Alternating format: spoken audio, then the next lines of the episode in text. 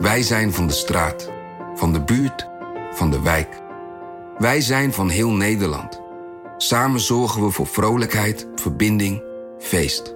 Samen brengen we in één jaar tijd 349 miljoen euro bij elkaar. Miljoenen waarmee onze goede doelenpartners de wereld groener, gezonder en rechtvaardiger kunnen maken. Nationale Postcode Loterij. Samen voor een betere wereld. Artificial intelligence verlegt ondernemersgrenzen. Maar hoe werkt dat voor u? Als transformatiepartner helpt Capgemini u kansen te ontdekken en benutten, zodat we uw ideeën tot leven brengen. Vorm uw eigen mogelijkheden met generative AI. Ontdek meer op capgemini.nl/slash AI. Capgemini. Get the future you want. Eén keer per jaar doen we een zogeheten theaterdebat in Theater Frascati. En dat gaat dan over een actueel thema, gelieerd aan een gebeurtenis uit het verleden, politiek gebeurtenis. En nu hebben we het afgelopen najaar de, de oprichting van D66 nagespeeld. Ja, nou, dat zijn niet politieke redacteuren, dat zijn de politici uit die tijd die het uh, naspelen. Dat was natuurlijk bij D66 een beetje moeilijk, want dat was 50 jaar geleden, dus daarvan leefde niet meer zoveel. Dus het was nu een beetje anders. Dus we hebben het gewoon met actieve D66-politici gedaan. En nou, de hoofdrol bij de oprichting van D66 was natuurlijk Hans van Mierlo. Dus ik dacht direct, nou, Hans van Mierlo, wie gaat die spelen? Alexander Pechtold. No way. Wou niet, Dat wilde hij niet. Nee. Vond, waarom eigenlijk Waarom niet? niet? Hij wil niet geassocieerd worden met, met Van Mierlo, want dan wordt hij direct ook met die hele politiek van Van Mierlo uh, geassocieerd. En eigenlijk heeft Pechtold daar veel minder mee. Kijk, Hans van Mierlo was een beetje de, de bohemien in de politiek. Uh, en uh, uit, een hele andere tijd, jaren 60. En die was enorm voor democratische vernieuwing. Een beetje zat ook in de, in de sfeer van de studentenrevolte en dergelijke. En terwijl als je nu het, uh, dan heb je het ook altijd over, die kroonjuwelen van D66, de staatkundige vernieuwing. En uh, eigenlijk heeft D66 daar veel minder mee. En Alexander ook.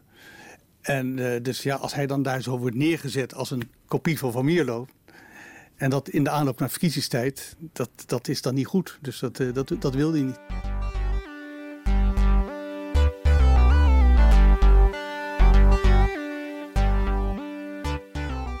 Vanuit de mediatoren op het Binnenhof in Den Haag is dit Haagse Zaken. Fijn dat je luistert. Mijn naam is Lamia Aharwai en de komende drie kwartier krijg je alles te horen over een politicus met veel ambitie. Bewees hij afgelopen week nog toen hij op de Universiteit van Twente hardop fantaseerde over komende verkiezingsnacht. Midden in de nacht, het wordt vier uur en het hangt tegen elkaar aan. Het hangt tegen elkaar aan. En dan heeft s'avonds laat VVD er 24 en D66 10 stemmen meer, ook 24. De grootste partij. Alexander Pechtold, fractievoorzitter en lijsttrekker voor D66. Hij bleek overigens niet te vangen in die vier rollen die ik hier altijd bespreek. Dus dat heb ik deze aflevering dan ook gewoon losgelaten. Bij mij aan tafel Mark Kranenburg, politiek redacteur voor NRC Handelsblad. Schrijft daar ook uh, de commentaren af en toe. Behandelt deze verkiezingen vooral D66. En je hoort ook Annemarie Kas. Als trouwe luisteraar ken je haar natuurlijk al, want zij vertelde je eerder al alles over Jesse Klaver. Oké, okay, we gaan beginnen. Voor mijn gevoel heeft Pechtold eigenlijk altijd in de Kamer gezeten, maar heeft vast een carrière hiervoor gehad. Waar komt Alexander Pechtold vandaan? Hij, uh, duizend jaar geleden. Duizend jaar geleden, ja. Eigenlijk is het natuurlijk gewoon een bal, een koorbal. Hè? Dat, uh, hij komt uit het Leidse studentenleven. Grappig, uh, ik, ik, ga, ik ga heel veel onderbreken, want Vice die heeft hem geïnterviewd. Die doet een serie met allerlei lijsttrekkers. En die vroeg hem daarnaar en dat vond hij helemaal niet leuk. Nee, maar ja, goed. Uh, hij, hij, heeft bij de, de meest vreselijke studentenvereniging van Leiden gezeten. Of de meest vreselijke, sommige mensen het fantastisch, maar de meest uh, koorachtige van de koorvereniging, dat is, dat is Minerva. En ik weet niet hoe die zich daar gedragen heeft. Hoor. Dat zal best wel, uh, daar heeft er geloof ik wel eens iets over verteld. Maar, en van daaruit is hij hij heeft kunstgeschiedenis gestudeerd ook. En uh, hij is veilingmeester geworden hier in, in Den Haag. En dat grappige, ik ken dat veilinghuis ook wel. Want ik heb daar vroeger, als, uh, als klein jongetje, heb ik daar uh, ook wel in de gangen gestaan op, op kijkdagen. En dus ik wist precies waar dat, wat dat ding, waar dat veilinghuis was. Dus ik heb het daar wel eens met hem ook over gehad. Want we kennen alle twee die, die eigenaar. Dat was een mevrouw. Die dat, dus, en hij, maar hij heeft daar echt ja, hij, was, hij was bijna de baas daar. En eh, nou, je kan je wel iets voorstellen als je hem ook in de Tweede Kamer ziet. Eh, het- hij heeft natuurlijk een enorme rappe tong, zoals we dat zeggen. En eh, zo zien we dus ook al die eh, antieke Chinese vazen wel verkopen. hè. Dat, eh, Eenmaal, andermaal. ja, precies. Dat, Het is wel zo, wat, maar wat ik ook grappig vind, want jij zegt hij, hij vindt het helemaal niet leuk als je hem aan, dat, aan het verleden van Minerva herinnert. En over dat veilingmeesterschap, dat vindt hij dus helemaal niet erg. Daar gaat hij nog steeds, gaat hij daar een beetje prat op eigenlijk. Op, op Instagram volg ik hem. En dan komt hij heel vaak, ik had het er nog even bij gezegd, dan komt hij met fotootjes van dingen die hij heeft, die hij dan bemachtigd heeft, waar hij nog steeds heel blij mee is. En dan schrijft hij erbij. Ehm, hier, eh, het Oestervrouwtje. Bronzen kleinoot door Monica van Daal. Ooit gekocht in Leiden. Galeria Propitia. Hashtag dierbaar. Terwijl gemiddeld Nederland denkt, man, waar heb je het over? Maar dat, daar gaat hij dus nog steeds. Dat vindt hij, heel, dat vindt hij nog steeds. Volgens mij ziet hij dat ook als een onderdeel van zijn, eh, van zijn persoonlijkheid. En dat hij dat ook wel uit wil dragen als politicus. Dat hij dat nog steeds is. Dus hij schaamt zich daar absoluut niet nee, voor. en dat, en hij heeft ook wel die interesse. Hè? De- Ja. Hij heeft dus wel, wel degelijk eh, een interesse voor kunst. Ja, dat is ook wel een paar keer gebleken met diverse acties die hij heeft gedaan. Maar, Ja. maar ook, ook voor dit soort kunsten. En eh, ja, dat, daar, daar, daar geniet hij ook wel van. Hij doet En, het eh, af en toe nog wel eens, toch? Voor heel speciale gelegenheden. Ja, voor, voor, de- voor, voor, voor veilingen voor goede doelen en dergelijke. Ja, ja dat heb ik ook wel eens gehoord. Dat hij een, eh, ja. Of bedoel je ook eh, de acties die hij in de Kamer heeft eh, uitgaat met Martin en Opien? En, en, Ja, nee, dat, dat bedoel ik dus. eh, hè, dus hij heeft dat, dat, die, die, en, eh, hè, dus dat, dat schilderij. En hij heeft eerder natuurlijk, eh, was hij ook wel de, de man die, eh, als er weer wat geld te verdelen was, om wat, wat meer naar de kunstensector te doen. Dus eh, hij, hij heeft daar wel belangstelling voor. Ja. Het heeft en, hem en, oprecht ook wel. Dat, eh, ja. Ja, dat is wel authentiek Ja, inderdaad. Dat ja. geloof ik ook. En daarna werd hij burgemeester. Nee, nee. eh, hij is ook nog wethouder geweest in, eh, in Leiden. Hij is, hij is eerst eh, fractiemedewerker geworden in Leiden van Tom de Graaf, die daar gemeenteraadslid was. Jaren En- negentig, hè? Hebben dat we het dan jaren over? negentig. Ja. En eh vandaaruit is hij toen, ja, zoals dat natuurlijk heel vaak in die politiek zo'n klein clubje. Hè, dus je wordt medewerker en dan word je, word word dan word je op een gegeven moment zelf raadslid. En dan word je wethouder. Dus eh Alexander is op een gegeven moment eh, toen wethouder geworden. Maar echt in- jaren. Hij heeft echt allerlei portefeuilles gehad ook. Ja, dan weet ik niet precies meer welke hij daar allemaal gedaan heeft in Leiden. Ik weet alleen, kan ik me herinneren, want ik, was een, ik woonde zelf in Le- Leiden. En eh, ik, ik volgde het Leids Dagblad in die tijd ook wel. En eh, hij had een zeer moeilijke verhouding met eh, het Leids Dagblad ook. Die hem ja, to- toch erg kritisch waren over zijn... dat het toch altijd heel veel woorden waren, maar dat er eigenlijk weinig uit zijn handen kwam. En dan denk ik ook wel dat dat mi- min of meer ingestoken werd door andere fracties daar. Die, eh, Hij had een hele eh, verzuurde relatie met de Partij van de Arbeid toen al, toch? ja, ja, kijk, dat is natuurlijk het probleem wat D66 heel veel heeft. Eh, dat, dat, dat ze worden toch nog altijd, eigenlijk van het begin af aan, of, vanaf toen ze in 66 of toen in 67 hier in de Kamer kwamen, 66 opgericht. toen, toen, werd een beetje, toen werd ook gezegd, het is een on-Nederlandse partij. Hè, die, die, die kwam van buiten en die is nooit helemaal geaccepteerd. Nou is dat tegenwoordig niet meer zo erg, maar ze worden toch altijd een beetje, ja, niet als echte politici gezien. Een beetje, eh, Waar ligt toch een beetje vrijblijvendheid. Ja, dat zit natuurlijk ook een beetje in hun, hun, hun liberale karakter. Dat eh, politiek, eh, je moet het doen. En het is, Alexander vindt het fantastisch, geloof ik. Hij houdt er echt van. En, maar er zijn ook andere dingen in het leven. En als je dat ziet, vooral aan de linkerzijde. Is, is politiek echt een, een roeping en een drijfveer en de wereld moet veranderen. En, en zij gaan er wat makkelijker mee om, zelfs als VVD'ers. En dat, dat, dat, dat vinden dus andere partijen wel, wel lastig. En, eh, en ja, omdat zij dus ook in, in hun politiek zijn ze, eh, ja, ze noemen dat zelf pragmatisch. Dat, dat is ook zo. Maar ja, dan kan je ook alle kanten op. En dan kun je dus iemand niet ergens op vastpinnen. En dat is lastig voor andere partijen die dus echt harde politiek willen bedrijven. En iemand wel ergens op vast willen pinnen en ergens aan willen herinneren en iets willen bereiken. En ja, hij schuifelt overal een beetje tussendoor. Ja, dat, dat roept irritatie op bij de anderen. Dus toen al in zijn tijd als En dat was, dat wethouder, was toen ja. in, in, als, als wethouder in Leiden. En, eh, en dat zie je dus nu ook eigenlijk. Dat, eh, Ja, want even fast forward om het af te maken. Op een gegeven moment heeft hij Tom de Graaf dus als eh, minister vervangen. Ja, dat was in 2006 volgens mij. Dus Ja. daarvoor was hij, wat jij zegt, inderdaad burgemeester in Wageningen. Eh, daar woont hij nu nog steeds. Ja. En, eh, En dat, partijvoorzitter was ja, hij? partijvoorzitter is hij ook geweest. Burgemeester is hij volgens mij twee jaar geweest ongeveer. En toen is hij eh, in het tweede kabinet Balkenende gestapt als burgemeester van bestuurlijke vernieuwing. Minister. Ja. Minister. Minister. Ook daar was, daar hadden wij het net nog over, Mark, in de voorbereiding. Ook daar was er meteen wat lichte irritatie. Omdat hij ook toen wat vrijzinnig met, eh, met het principe omging dat het kabinet met één mond spreekt. Want hij ging dan ook dingen vertellen dat hij vond dat softdrugs gelegaliseerd moesten worden. Nou ja, dat vinden ze nu nog steeds. Ja. Maar dat was Balkenende van het CDA het natuurlijk helemaal niet mee eens. Dus dat wekte toen ook al wat irritatie op. Ja, ja. En ehm, toen is hij daarna in 2006... Nou, even, om de, even naar het begin, want dat was natuurlijk ook allemaal niet zo eh, voor de hand liggend dat hij direct minister zou worden. Want Tom de Graaf is toen gesneuveld. Hè, dit, Ja. die, die, eh, die kreeg in de Eerste Kamer kreeg hij, eh, een bonje met eh, Ed van Tijn. Ja. Dus die, die steunde een bepaald wetsvoorstel niet. Echt over een principieel eh D66 Eh, Echt D66-punt, hè, Ja. de, de, de gekozen burgemeester, daar ging het over. Tom de Graaf die zei, nou, dat, dan, dan, dan trek ik consequenties en ik ga weg.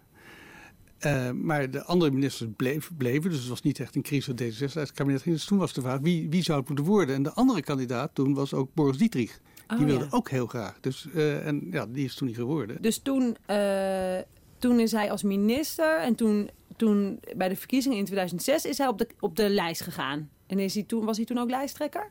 Ja, en toen is er een, een, eh, een, een verkiezing geweest. Oh, natuurlijk. Met Loes Louise van der Laan. Van der Laan. Ja, oh, hoe kan ik En dat... eh, ja. eh, ook ja. toen was het niet echt vanzelfsprekend dat hij het werd. Hij heeft het, nou, ik denk, ja, met 200, ja, dat was zo 1700 tegen 1900 of 1700 tegen 15, zoiets in die, die sferen zat het.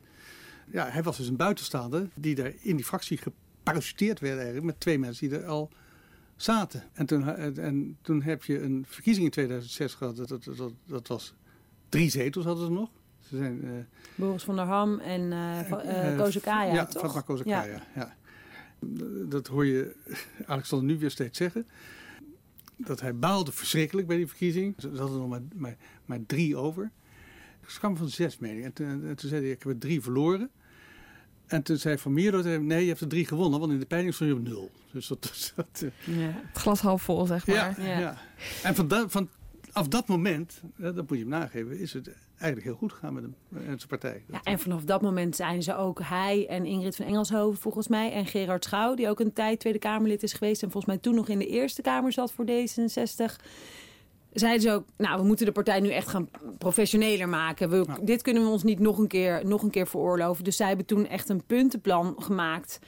Waarbij ze zeiden, oké, we moeten van onderop in de samenleving gaan bouwen. We moeten lokaal beter vertegenwoordigd zijn. En we moeten echt meer... Want precies wat jij net zei, Mark. Het is natuurlijk een beetje, een vrij, een beetje vrijzinnige types. Die Vrijzinnig, vrijblijvend. Vrijzinnig, vrijblijvend Ja. en losjes georganiseerd. Ja. Maar dat hebben ze toen eh, ge- gezegd, ja, daarmee red je het niet in de politiek. Dus toen hebben ze dat met z'n drietjes. Want Van Engelshoven was toen volgens mij partijvoorzitter. Ja. En hij dan vanuit de Tweede Kamer.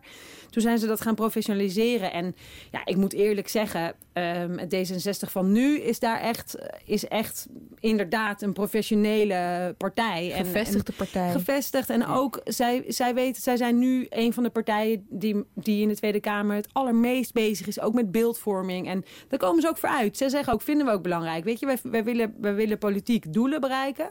Maar minstens zo belangrijk is dat je er ook aandacht voor krijgt. Dus minstens zo belangrijk is dat mensen weten dat wij het hebben geregeld.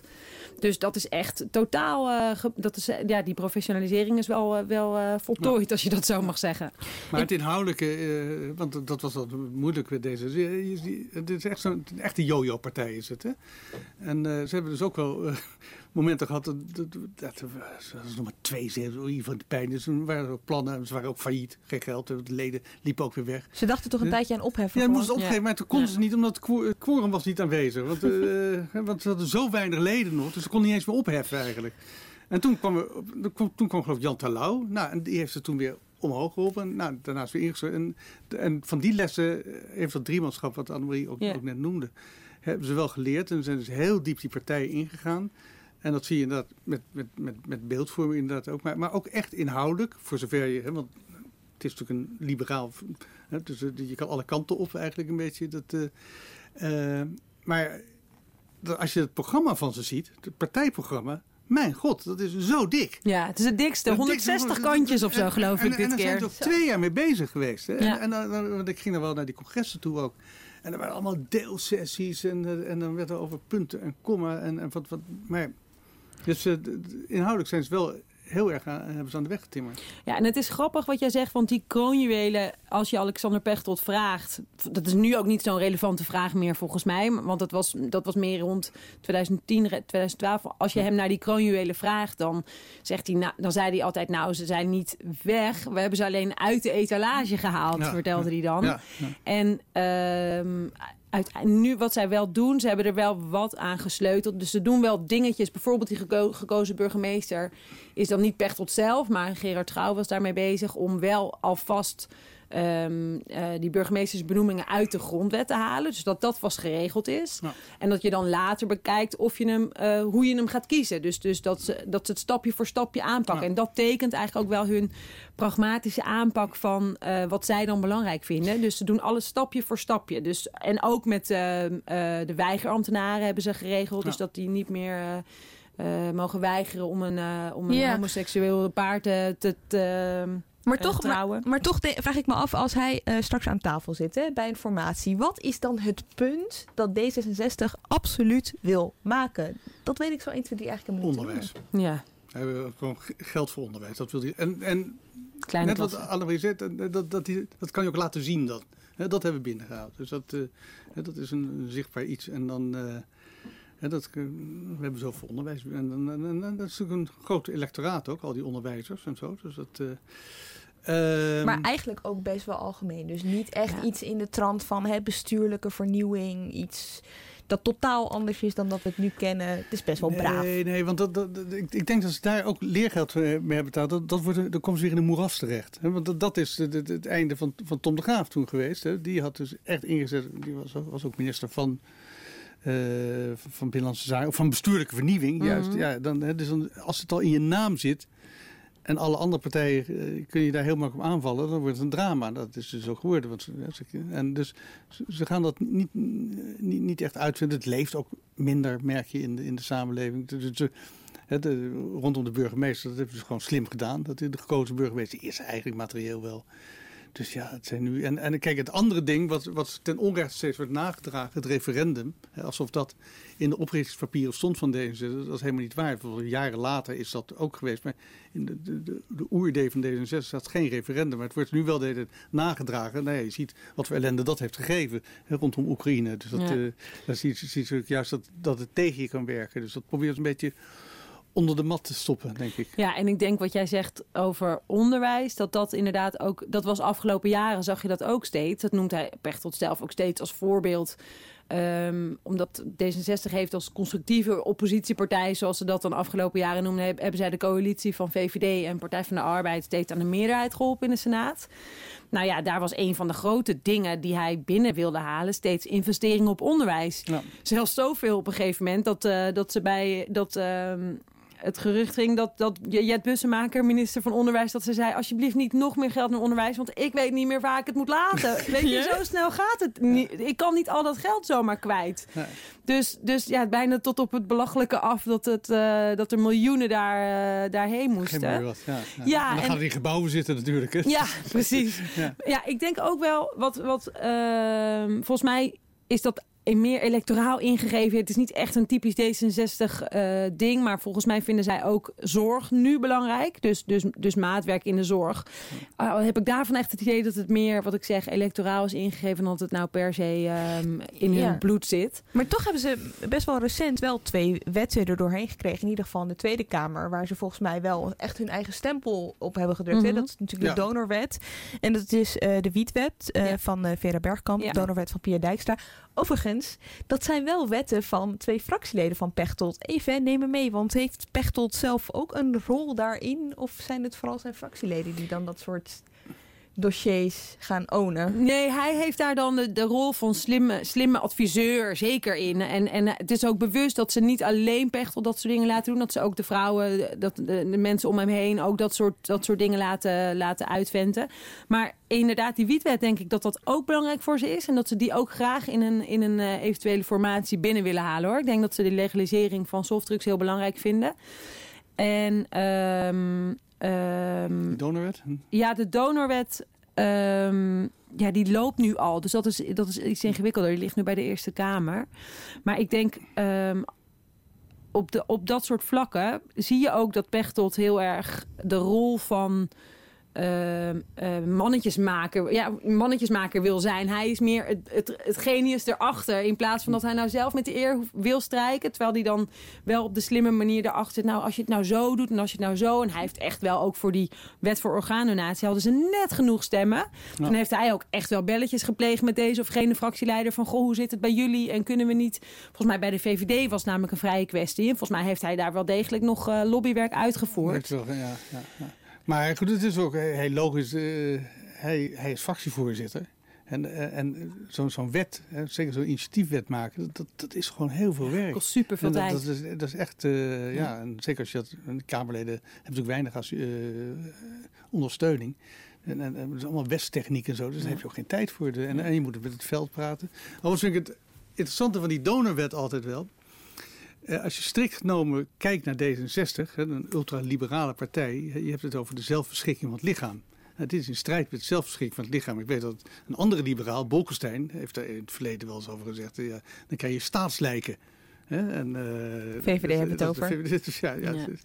En, uh, en als je de gedachtegang van D66 volgt, de, de zelfbeschikking, individu en dergelijke, kan je net zo goed voorstellen dat ze uitgesproken tegen zo'n wet zouden zijn. Maar goed, dat is weer pragmatisme. Ze zien een tekort aan donoren en denken, nou, dan moet je het zo oplossen. En, en het grappige is dat ze het ook wel zo verde uiteindelijk verdedigen ze het dan wel vanuit de vrijheid. Want, ja. want het aantal mensen dat zich liet registreren dat, niet, dat geen donor wilde zijn, bleek veel groter dan het aantal ja. mensen dat wel donor wilde zijn. En dan verdedigen zij het als, ja, dat is alleen maar goed als er maar duidelijkheid komt. Dat is het belangrijkste. Waar ja. ik denk, nou, volgens mij was het wel de bedoeling dat er meer donoren zouden komen. Maar daar weten ze dan ook wel weer een weg in te vinden. Dat is wel, uh, wel geestig. Hey, en het verwijt dat ze vaak een net niet partij zijn. Dat ze iets te veel voor het midden kiezen en daardoor ja, net niet hun eigen smaak toevoegen aan. Ja, nou ja goed, dat, dat is natuurlijk een, net eens over hadden. Dat is, dat is, dat is wel hun, uh, hun handicap eigenlijk. Hè? Dus dat ze anders zijn dan andere politieke partijen, omdat ze zo, uh, ja,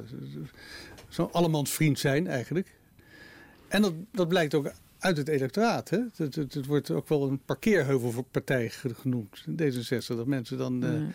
uh, als je even niet weet op wie je moet stemmen, dan kan je altijd nog D66.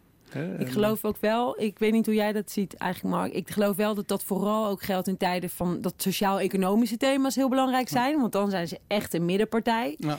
En als het gaat om, om de sociaal-culturele thema's, dus om hoe vrijzinnig je bent en, hoe, en hoe, hoe open je denkt en wat voor open samenleving je wil, dat zij dan wel. Uh, omdat zij dan ook echt het contrast met Wilders eigenlijk vormen. Dat ze dan wat meer in je, wat hoger in de voorkeuren van kiezers ja. komen. Ja.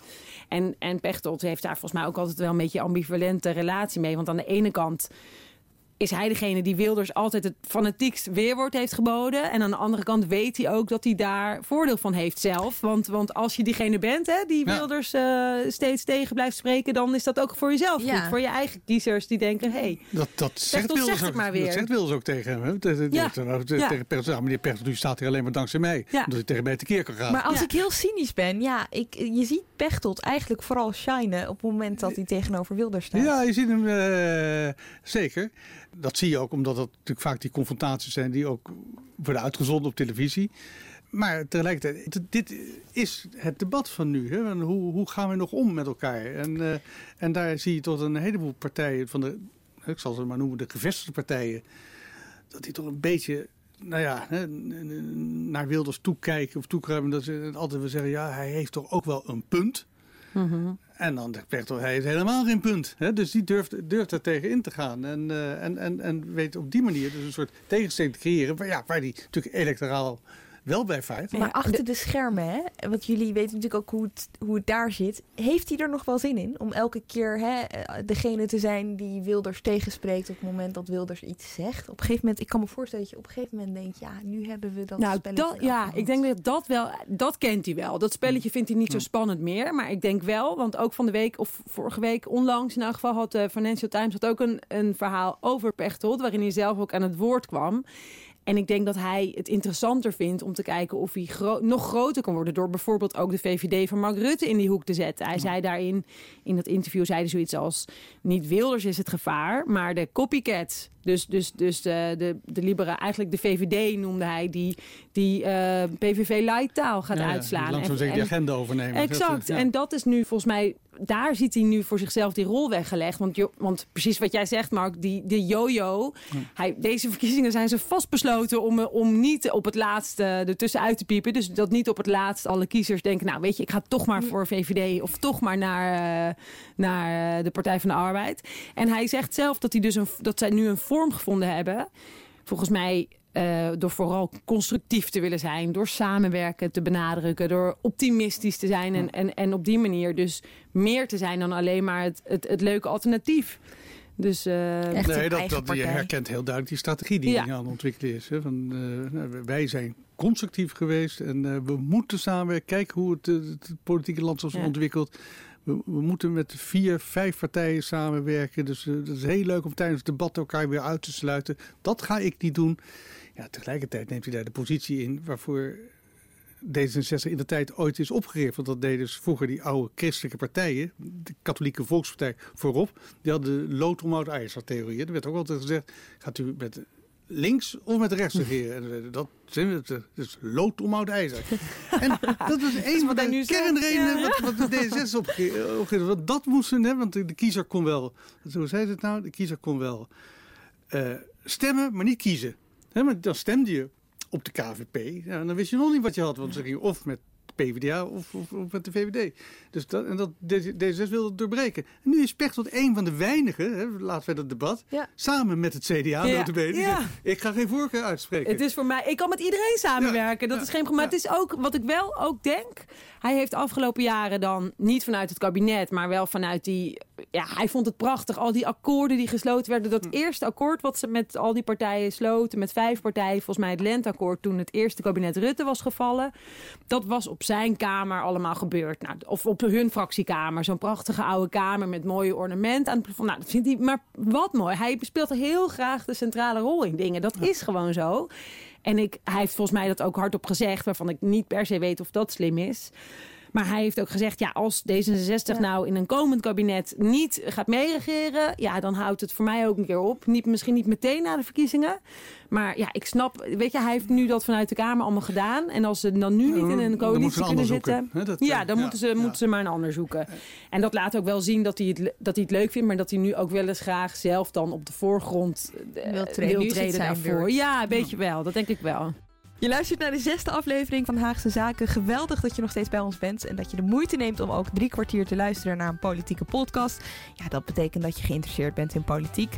Wakker die interesse ook aan bij anderen. Stuur deze podcast door, deel hem op je sociale media. Maar je kan ook meer doen in deze tijden van nepnieuws en gekke termen als alternatieve feiten. Kun je ook gewoon meebetalen aan kwaliteitsjournalistiek. En daarom hebben we voor jou de pagina nrc.nl slash actie. Check het even, kijk welk abonnement bij je past en ja, betaal gewoon mee aan kwaliteitsjournalistiek. We gaan terug naar de aflevering over Alexander Pechtold. Want we hebben het veel over de partij gehad nu eigenlijk. Zijdelings ook over zijn eigen rol. Maar neem ons eens even mee naar de mens Alexander Pechtold. Want ik weet dat hij van houthakken houdt. Ja.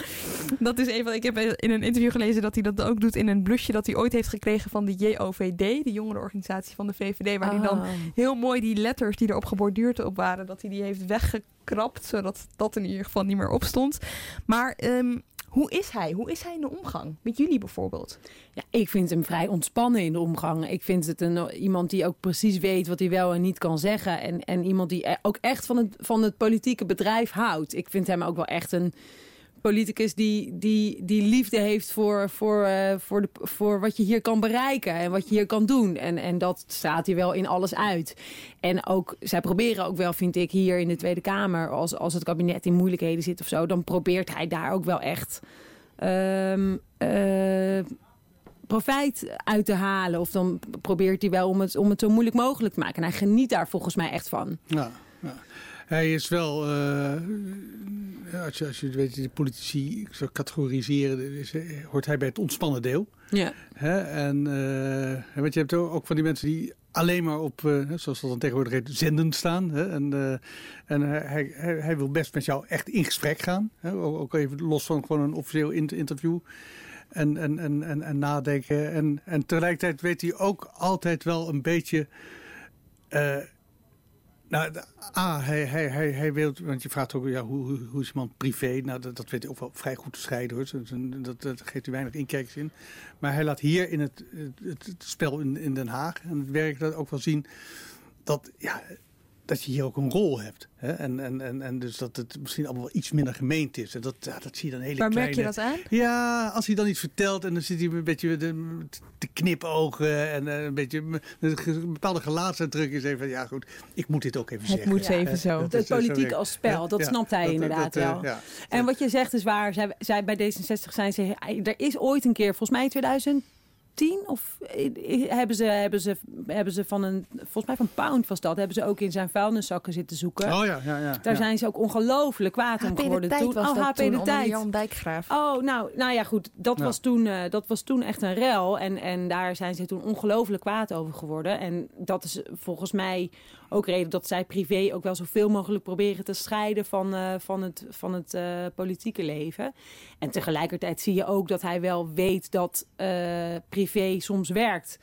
Dus, dus uh, precies wat jij vertelt over dat houthakken. Dan laat hij uh, Ebru Oemar, die columniste van de Libellen, komt hij, geeft hij dan een lesje houthakken. Dat ze klompen aan moet en dat ze uh, de, de steel zo en zo moet vasthouden. En dat daar zie je allemaal. Weet je, hij weet wel dat het werkt om iets van je privé bloot te geven. Ja, maar, maar, het is wel heel berekenend. heel, heel berekenend. Ja, en ook. Thijs Broer van Vrij Nederland natuurlijk ook meegenomen Ja. om hout te Ja. hakken. Maar, dus dat maar blijkbaar vinden, weet je, het is, het is ook wie, het hangt, je weet ook niet zeker of hij altijd de uitnodiging doet hoor. Ik Ja, bedoel, ik kan me ook voorstellen dat journalisten het leuk vinden, want die denken, ha, we hebben iets wat, eh, wat deze man menselijk maakt, dus laten we dat vooral gaan doen. Dus er zit een vraag- en aanbodkant aan. Alleen, hij, ja, hij snapt wat privé werkt. Hij gaat dan ook, hij maakt dan een selfie van zichzelf in de sportschool met zo'n Obama, Obama 2008 campagne shirt, weet je wel. Zo'n heel volwassen shirt. Laatste keer Obama en ik, toen, eh, toen Trump gekozen was. Weet je, dat Ja, soort ja, dingen. Dat, daar heeft hij dan wel gevoel voor. Is hij grappig? Ja, hij, heeft, eh, kijk, ja, hij is natuurlijk ontzettend ad rem. Ja. Hè? En eh, dat, dat, dat, iedereen. en ik- stel me altijd zo, zo voor dat, dat, eh, dat iedereen, als, als je terugdenkt naar je lagere schooltijd, je middelbare schooltijd, is altijd wel zo'n jongetje in de klas die altijd als laatste nog even een opmerking maakte. En, en het was bijna altijd raak, weet je wel. En, en dat zie je bij hem ook altijd, ook, ook in de kamer. Hè, dat eh, altijd een beetje weer zo'n zo, zo, eh, zo, zo- zogenaamd leuke opmerking. En meestal is het ook leuk. Ja. Maar hij is ontzettend gevat en ad rem. En, eh, Daarom kunnen zij, hij en Rutte, zijn in die zin ook wel aan elkaar gewaagd. Zij, konden, ze hebben ook een keer enorm in een deuk gelegen bij de algemene politieke beschouwingen over de begroting. Gaat dat? Ging Nee, het dat over ging- de kosten, over, nee, nee, over de groene draak ging ja, het over het toch? Koninklijk Huis. Over de, ja, oh, nou ja, dan was het de, het begrotingsbehandeling van het Koninklijk Huis. Ja. Nou, zij kwamen niet meer bij van het lachen allebei. Dus toen moest Wat Rutte- gebeurde er? Nou, hij, Pechtold wilde iets weten over die onderhoudskosten. Want die waren veel hoger uitgevallen dan, eh, dan nodig was voor zo'n Lemster Aak. Want die breng je bij de eerste de beste scheepswerf en dan is het goed. Maar zij, ja, ze hadden een onderrondje en ze wisten allebei waar het over ging. Volgens mij was het ook in die tijd dat ze over Marten en Opie, over die schilderijen aan het, aan het eh, onderhandelen waren. Zonder dat de pers dat toen al wist. En Rutte die moest echt proestend van het lachen zeggen... oh voorzitter, kunnen we deze vragen alsjeblieft schriftelijk afdoen? en dat Pechtold ook zei, "Pff, ja, ja, dat is goed Nee, maar voorzitter. ze wisten natuurlijk, het, het was zo bizar, want het was echt eh, de- over, over, nou, bijna over kwartjes gingen, wijze van spreken. Hè? En, en, en, en eh moest dus vanuit zijn ja, rol als volksvertegenwoordiger, ja, ik moet echt het naadje van de kous weten, want je hebt me al twintig keer het, het bos in gestuurd, nu wil ik het weten ook. Ja. En tegelijkertijd ja, het is altijd koninklijk huis gevoelig en ze weten ook alle twee, want ze komen daar ook over de vloer. Dus eh, dus we hebben het dus over die man daar, of, Ja. of, of, of, of over zijn moeder in dit geval. dus het, het, ze wisten ook dat het gevoelig was. Dus ze, ze wisten dat het toneelspel, dat was uit de hand aan het lopen. Ja, en dat, daar werd ze heel moest ze. Zo, ja, Ja. dat- ja. Maar toch, maar toch, hij doet, hij heeft, eh, eh, om even terug te komen op algemene politieke beschouwingen, dat, doet hij, dat heeft hij nu voor de tiende keer gedaan. Merk je dan ook een soort van sleetsheid? Wordt het een beetje routine? Of zie je nog steeds dat hij daar staat en dat hij, ja, dat hij levert zoals hij eh, de eerste paar keer leverde. Nou, weet je wat ik bij Pechtold heel, ik weet niet hoe jij dat ziet, maar heel, heel sterk, hij, hij, hij wordt ingekleurd door de anderen. Hè, Leg uit. ehm, dus als Pechtold zelf een verhaal houdt, hè, zoals het bij het algemeen beschouwing dan moet je, moet je gewoon je verhaal houden. Nou, en dat, dat, dat is gewoon een keurig verhaal. Maar, dat, is- maar vervolgens het debat. Hè, dus als hij moet reageren op anderen, daar is hij goed in. Hij is heel goed in het debat. Dus als die anderen geen aanleiding geven tot het debat, dan valt hij ook weg. Hè, dus vandaar, dus met, met, met Wilders valt hij op en dan kan hij ook weerwoord geven. Maar als de anderen weinig aanleiding geven tot weerwoord, dan, dan valt hij dus ook weg. Hij moet het echt van het debat hebben. Ja, de interactie Ja. is waar hij eh, bij opbloeit inderdaad. En dat zal ook nooit sleets worden, omdat eh, ja, elk jaar spelen er natuurlijk net weer andere dingen. Dus, dus daar kan je jezelf ook scherp in houden. Dus in die zin, ja, hij heeft ook mindere jaren gehad natuurlijk. Dus het is ook wel eens minder gegaan. Maar zoals ehm, afgelopen tijd dat zij die... Nou ja, ja waar, waar, waar hij niet goed tegen kan, denk ik. Dat is niet zozeer sleetsheid, maar dat is wel ja, als hij zo een beetje gewend was aan die rol dat, dat de coalitie hem nodig had. In 2015, weet je Ja. dat nog? Toen had, eh, hadden, hadden, had de coalitie een plan bedacht voor 5, 5 miljard euro aan lastenverlichting. Oh ja, en de ja, en, en ze hadden gezegd, nou, wij gaan hoe dan ook deze lastenverlichting voor, voor Nederlanders eh, regelen. En de eh, constructieve oppositie mag aanschuiven om het een heel, eh, heel belastingplan te maken. Dus om het, om het ehm, echt ehm, eh, ja, ambitieus te maken eigenlijk. Nou, maar dat was heel slim gedaan van de VVD en partij. Eigenlijk, eigenlijk D66-achtig doordacht. Want de coalitie die mocht de eer, die, die kreeg de eer voor die lastenverlichting. En de oppositie mocht dit keer aanschuiven voor de moeilijke dingen. Dus Ja, ja, voor, ja. voor het, eh, voor het deel Ja. wat, la- wat eh, lastig werd. Waarom noem je dat de D66-achtige manier van? Nou ja, omdat, omdat zij, die, die fractie die, die daar nu zit, die, die werkt een beetje zo. Die zijn een klein beetje, soms, dat weten alle andere fracties in Den Haag, die zijn soms een klein beetje filijn, zijn soms een klein beetje gemeen. Die zullen het niet nalaten, ook op, op sociale media, om je op eh, onvolkomenheden te wijzen. Of om op, op- nou hier vonden jullie wat anders, of dit hebben jullie toen gezegd, weet je nog. Daar zijn zij niet bang voor. Dus, dus, en Pechtold is daar ook wel, eh, ja, die, die houdt ook wel van het politieke spel. Dus, dus, eh, en, en bij andere partijen zeiden ze meteen, oh, dat heeft de coalitie echt slim gedaan. Maar bij D66 vonden ze het niet leuk. Daar zeiden ze, verdorie, jullie hebben een kans gemist om Nederland echt ambitieus eh, belastingstelsel te geven. En daar konden ze er niet om lachen. Oké, ja, hij, hij houdt dus van het politieke spel. Het kwam net al even te sprake, daar zit een eindigheid aan. Want hij heeft zelf dus al aangegeven, ja, nu wil ik toch echt regeren en anders eh, ben ik weg. Ja. Hij heeft natuurlijk al twee behoorlijke tegenslagen gehad. Hè. 2010, toen hij dacht, eh, nu gaat het me echt lukken.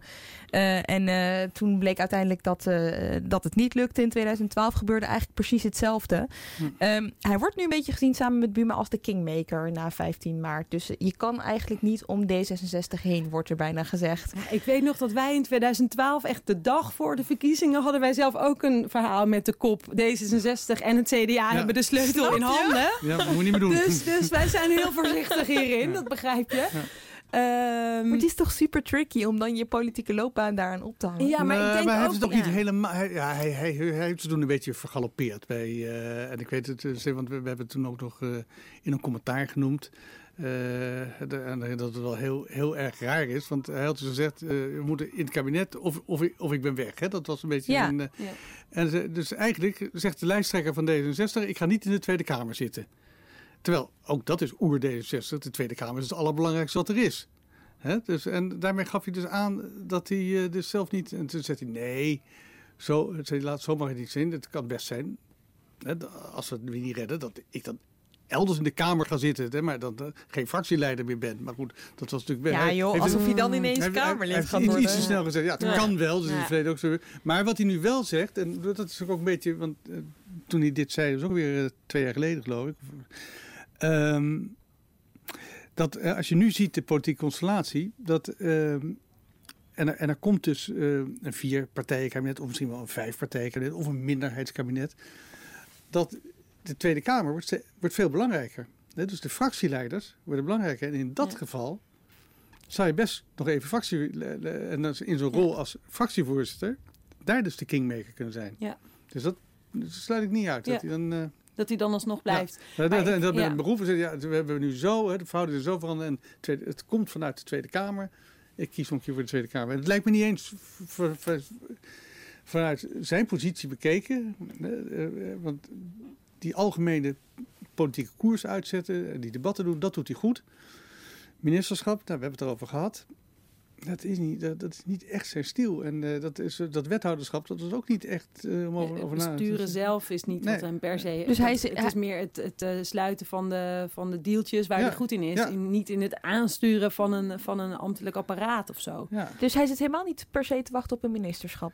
Nou, dat, eh, eh, wat ik, ik heb hem laatst eh, heb ik hem even, even gesproken. En, uh, maar toen, toen gaf hij dat ook echt als mogelijkheid. Ze zei, nou, ik kan best in de Tweede Kamer weer gaan zitten. Dat, Maar dat verkiest hij boven een ministerschap. Nou, nou, wat hangt er... Kijk, als hij vicepremier moet worden. Ja, ja. eh, ja, dat, dat zou hij heus wel willen hoor. Laten we, ik denk Ja. dat hij dan die ambitie echt nog wel heeft. Maar- En de minister bij- van Onderwijs zou die toch ook geen nee tegen zeggen, ministerschap? Nee, nee, nee, nee. Ja, minister van Onderwijs.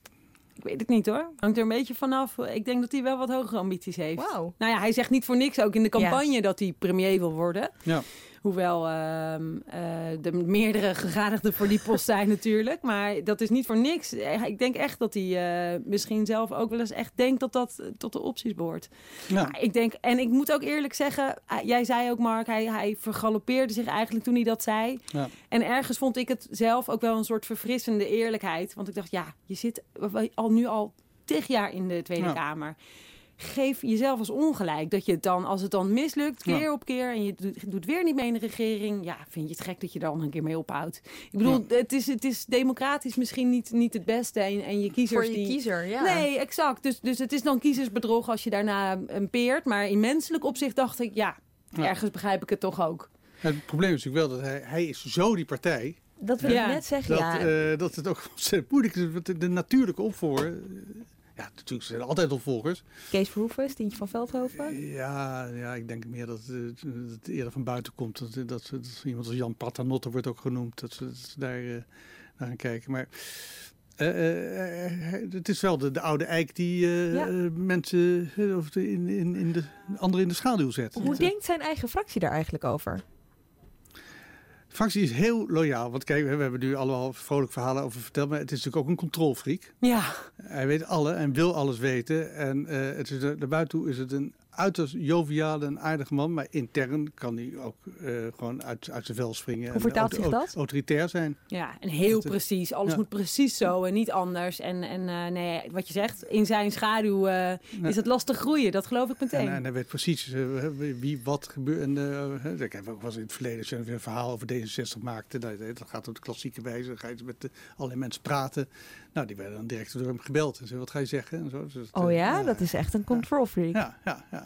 Dat is, uh, dat is uh, nee, wat dat betreft is Ja. het, uh, ja. Maar betekent dat dan ook dat zijn fractie dan denkt, weet je wel, want dat zie je wel eens gebeuren, dat zo'n fractie dan op een gegeven moment denkt, ja, weet je wat, ik ga het zelf een beetje lekken dat dit gebeurt hier, want dan is er op de een of andere manier aandacht voor. Of zijn ze zo loyaal dat ze dit ze, een beetje ze, laten? ze zijn wel heel loyaal, want ja, goed, ze zitten ook allemaal daar dankzij Alexander Pechtold. Hè? Dat is natuurlijk altijd een beetje Ja. het, Ja. in, de, in de politiek als het goed gaat, ja, dat steunt ook iedereen. Hè? En uh, zodra het slecht gaat, ja, dan, dan, uh, dan begint het langzaam zagen ook. Hè? Dus dat is niet de tijd voor iemand anders. Ja, ja, ja, ja. En dat is nu absoluut nee, niet aan de hand, nee. inderdaad. Nee, dat is. Maar die jongens, die, uh, je hebt, ze zijn nu met z'n twaalfen. En dat is ook wel de ideale omvang Ja. eigenlijk voor het kamerwerk. Want je hebt niet, niet genoeg mensen om moeilijk te doen. En niet genoeg mensen om uit de school te klappen. En om kritisch te doen. En die te veel tijd hebben omdat ze weinig, uh, weinig Ja. in de kamer te doen hebben. En het is weer groot genoeg om op alle vlakken jezelf goed te kunnen laten horen. Dus het is een ideale omvang. Ja. En ik denk dat als het wat groter wordt en, en, en uh, het lukt wel of niet met regeren, dat er dan echt ook daar wel weer dynamiek eh, gaat ontstaan. Van goh, wordt het niet eens tijd? Je, je had een tijdje geleden, toen het wat minder ging in de, in de peiling ook, eh, had je ook wel weer die geluiden dat hij misschien. Uh, burgemeester van Utrecht zou worden, een paar jaar Ja, geleden. Dat, ja. Dus er was wel zo'n periode toen het, uh, volgens mij dit kabinet net zat, één of twee jaar of zo, dat, dat mensen dachten, nou, misschien heeft Pechtold het ook wel gewoon gehad hier.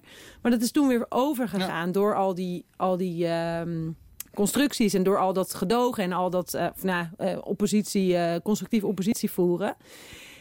Maar goed, ik denk zelf, ja, wat jij zegt, Mark, ik, er is niemand die echt klaar staat. Volgens Nee. mij kijken ze zelf wel naar, naar eh, Kees Verhoeven, inderdaad. En Pia Dijkstra, die staat nu naast hem op de campagnebus. Ja, hè? ja, Met een groter hoofd dan op, hij. ja. ja, ja. Dus de- niet Stientje van What about that? Is Ja. dat gewoon omdat, omdat, omdat ze... Nou, ik heb het laatst aan Stientje gevraagd. Die ik tegen. seksistisch, Dus wat zei jij? Die, ja, Ja. ja. ja, nee, maar ja, Pia is al bekender. Dus, Ja. het, eh, dus, eh, dus dat moeten we gewoon... eh, de- dat vind ik ook wel weer charmant. Dus gewoon, dat komt wel vaak. Het is toch bekend. Heel pragmatisch weer toch wel weer. Eh, En die heeft dat wetsvoorstel gedaan. Terwijl, de, ja, terwijl zij toch ook allerlei dingen doet. Maar ja, dat, dat is wat minder in de picture. Dan, Ja, klimaat doet ja. Vooral. Dus dat is, eh, vinden ze ook belangrijk. Staat Pechtold nou alleen of wordt Pechtold gedragen door een groep van spindokters en handige voorlichters? Ja, dat, dat geldt dus voor, hè, voor, voor elk politicus hier. Maar ook hier is het weer een beetje het charmante van D66. Ze doet het ook zo open. Ja, ze komen je er vooruit. Je hebt hier twee, twee van zijn, zijn, eh, zijn, zijn assistenten. Ehm, eh, Roy Kramer en ehm, eh, kom, heet dat? Daan Bonenkamp. Daan, Daan Bonenkamp. Ja. De, de, de, die, die, eh, dat zijn ook allemaal liefhebbers van Borgen en van West Wing en van House of Cards. Oeh, een beetje Hè? clichématig. Ja, dat is heel maar, maar dus, die vinden ook het spel leuk. En, en, dus, die, die, ja, en, en dus die zijn echt openlijk aan het spinnen. Daar maar zo op letten en daarop letten. En, en dat doen ze ook met Pechtold samen. Tenminste, die, alle die strategietjes te bedenken. Zij had, En- had zelfs, volgens mij was dat, een, nou dat is alweer een tijdje geleden, maar bij de Wereld Draait Door ging Pechtold hier ook inderdaad openlijk over vertellen. En dat als Daan Bonenkamp dan belt, dat hij dan een fotootje van de woordvoerder van die vrouw van Borgen Oh ja. zag, Casper Jul. Oh ja, Casper. Dus dat, ja, ja, ja, dus zo ver gaat het. Ja, Het, het geestige is precies wat jij zegt, dat ze er open voor uitkomen. Ja. Maar ergens is het ook een beetje, ja, het is ook een beetje een karikatuur van de politiek natuurlijk. Maar even, hoe ver gaat het? Dus als Pechtold zo echt on fire is tijdens een debat bijvoorbeeld, hè, is dat dan Pechtold die het heeft bedacht? Of, is dat dan, eh, of zijn dat dan Roy Kramer en Daan Bonenkamp die hem, eh, die hem Mm. hebben ingefluisterd hoe dat gaat? Nee, Hoe ik dat denk moet. dat zij dat samen, dat zij, dat zij allemaal dezelfde manier van denken inmiddels hebben ontwikkeld. Want die jongens, die mannen, die gaan ook al jaren mee. Ja. Dus die zijn gewoon met elkaar, hebben zij een soort eh, manier van denken ontwikkeld waarin ze dat, dat, die strategieën en waarin ze ook bekijken hoe ze met journalisten omgaan en wat voor informatie. Zij geven ook relatief vaak. Eh, wijzen ze journalisten op andere dingen van andere partijen. Van, goh, vind je het niet gek dat ze het zo en zo hebben gedaan? Of daar zijn zij niet bang voor. Nee, En, en eh, het zijn die twee, maar ook eh, volgens mij bij andere fracties noemen ze die, noemen ze die Tweede Kamerleden ook de Pechtold Boys. ja. Want dan heb je dus Kees Verhoeven, die was campagneleider de afgelopen verkiezingen. En eh Sjoerd Sjoerd Sjoerdsma is het dan sterk, nu, die is nu campagneleider. En ehm, Steven van, Wij, van Wijenburg hoort er ook wel een beetje bij. Die is woordvoerder sociale zaken. Zij zijn dan de Pechtold Boys die op, op diezelfde manier alles uh, leek wel een boyband zo. Ja, ja, inderdaad. Ja, en, en, en ja, goed, dat- dus dat is dan ook een beetje dat, dat, dat, dat, dat clubje. Hè, want je had het net over hoe, hoe zit het in, in, in, de, in de fractie. Maar als er dan zo'n zo'n driemanschap of viermanschap is, hè, de mensen die alles bedissen en eigenlijk aan één woord genoeg hebben, hè, die elkaar dan direct begrijpen. En dat botst natuurlijk wel eens met, met andere fractiegenoten. Hè, die daar gewoon eh, moeilijk wetsvoorstellen aan het doen zijn en zo. En zij hebben weer een trucje waardoor ze morgen grootst in de telegraaf staan. Ja, dat, ja, ja. dat, eh, dus dat, ja, de, de, de jaloezie is hier een belangrijke factor in het geheel. Dus Ik, eh, ik kan me ook niet aan de indruk onttrekken dat dat ook voor die Wasila Hachi wel een grote rol heeft gespeeld. Ik- heel erg in het begin heb ik een keer een interviewtje met haar gedaan. Ja. Toen vertelde ze heel kort, zei ze ja, eh, de hoeveelheid media en, en hoe belangrijk dat hier is, dat heb ik onderschat. Of dat is veel zwaarder dan ik dacht. Dat, terwijl dat niet is waarvoor ik in de politiek zit. Maar goed, veel verder dan dat is het niet gekomen. En dat is ook al een tijd geleden. Maar ik dacht toen wel, hm, er moet meer achter zitten. Zo'n soort niet gezien worden of, of niet genoeg doen. Of, of, eh, Jaloezie of is altijd mo- het moeilijkste te managen natuurlijk. Ja, ja, ja, is eigenlijk niet te managen.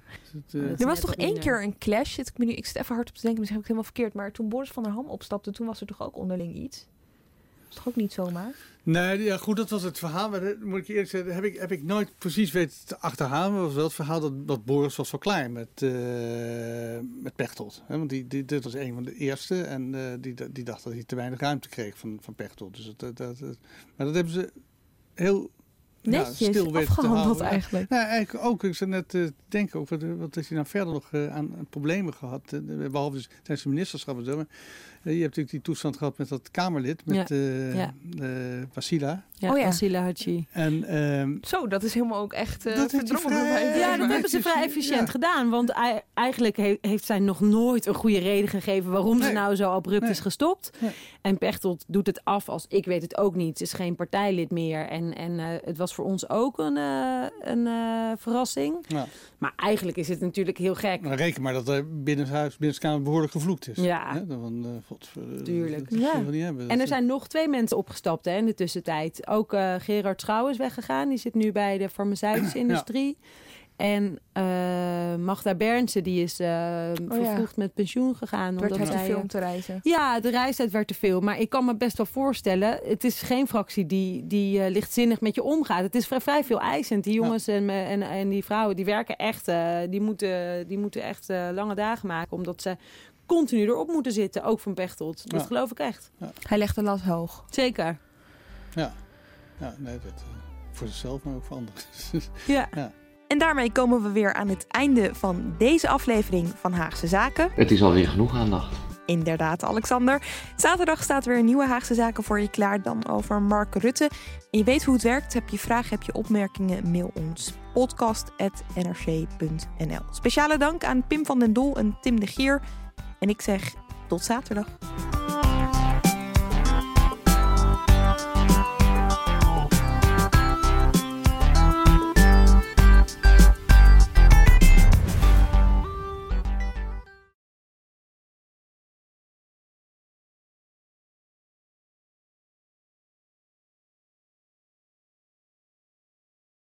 Je hebt aardig wat vermogen opgebouwd. En daar zit je dan, met je ton op de bank. Wel een beetje saai, hè? Wil jij, als belegger, onderdeel zijn van het verleden of van de toekomst? Bridgefund is een slimme fintech die een brug slaat tussen de financiële behoeften van ondernemers en van beleggers. Dus wie belegt bij Bridgefund krijgt niet alleen een mooie vaste rente, maar brengt ook ondernemers in beweging. Echt waar, met die ton kan je zoveel betere dingen doen. Bridgefund. Make money smile.